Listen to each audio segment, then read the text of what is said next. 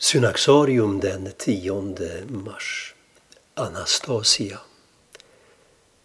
Anastasia tillhörde den bysantinska aristokratin i Konstantinopel på 500-talet. Hon tjänstgjorde en period vid hovet där hennes andliga utstrålning och hängivna liv gjorde starkt intryck på kejsar Justinianus. När Anastasia som ung blev änka bestämde hon sig för att söka sig bort från stadens distraktioner för att bevara sin själ.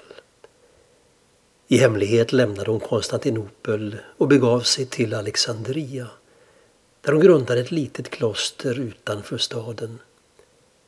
Hon kunde nu ägna sig helt åt Gud.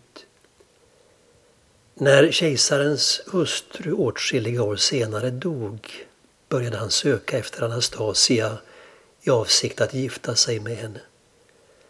Ryktena nådde henne och hon sökte upp Abba Daniel i hans ökeneremitage för att rådfråga honom om hjälp. Den andlige fadern lät då ikläda henne manliga munkkläder och tilltalade henne som evnucken Anastasius. Efter att ha visat henne till en avlägsen grotta i öknen gav Abba Daniel en böneregel åt Anastasia och uppmanar henne att varken lämna grottan eller ta emot besök. Endast en munk kände till gömstället. Hans uppgift var att förse Anastasia med bröd och en kruka vatten som han lämnade vid ingången till grottan en gång i veckan. Så levde Anastasia i 28 år medan alla trodde att det var evnucken Anastasius som bodde i grottan.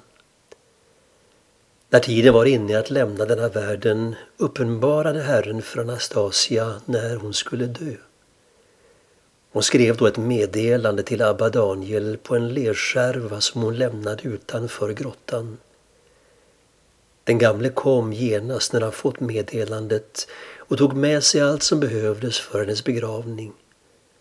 Han fann henne ännu vid liv.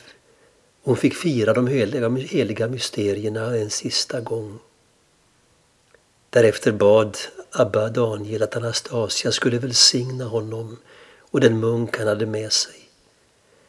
Med orden Herre, i dina händer befaller jag min ande dog Anastasia omkring år 567.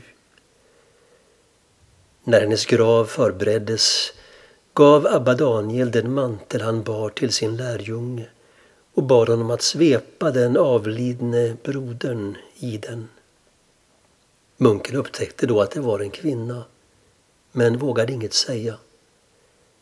Men när de kom tillbaka till klostret frågade lärjungen sin andlige fader om han visste att brodern som han begravt var en kvinna. Abba Daniel berättade då för den unge munken om Anastasias liv.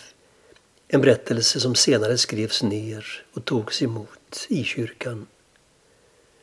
År 1200 fördes den heliga Anastasias reliker till Konstantinopel där de placerades i närheten av den berömda kyrkan Hagia Sofia.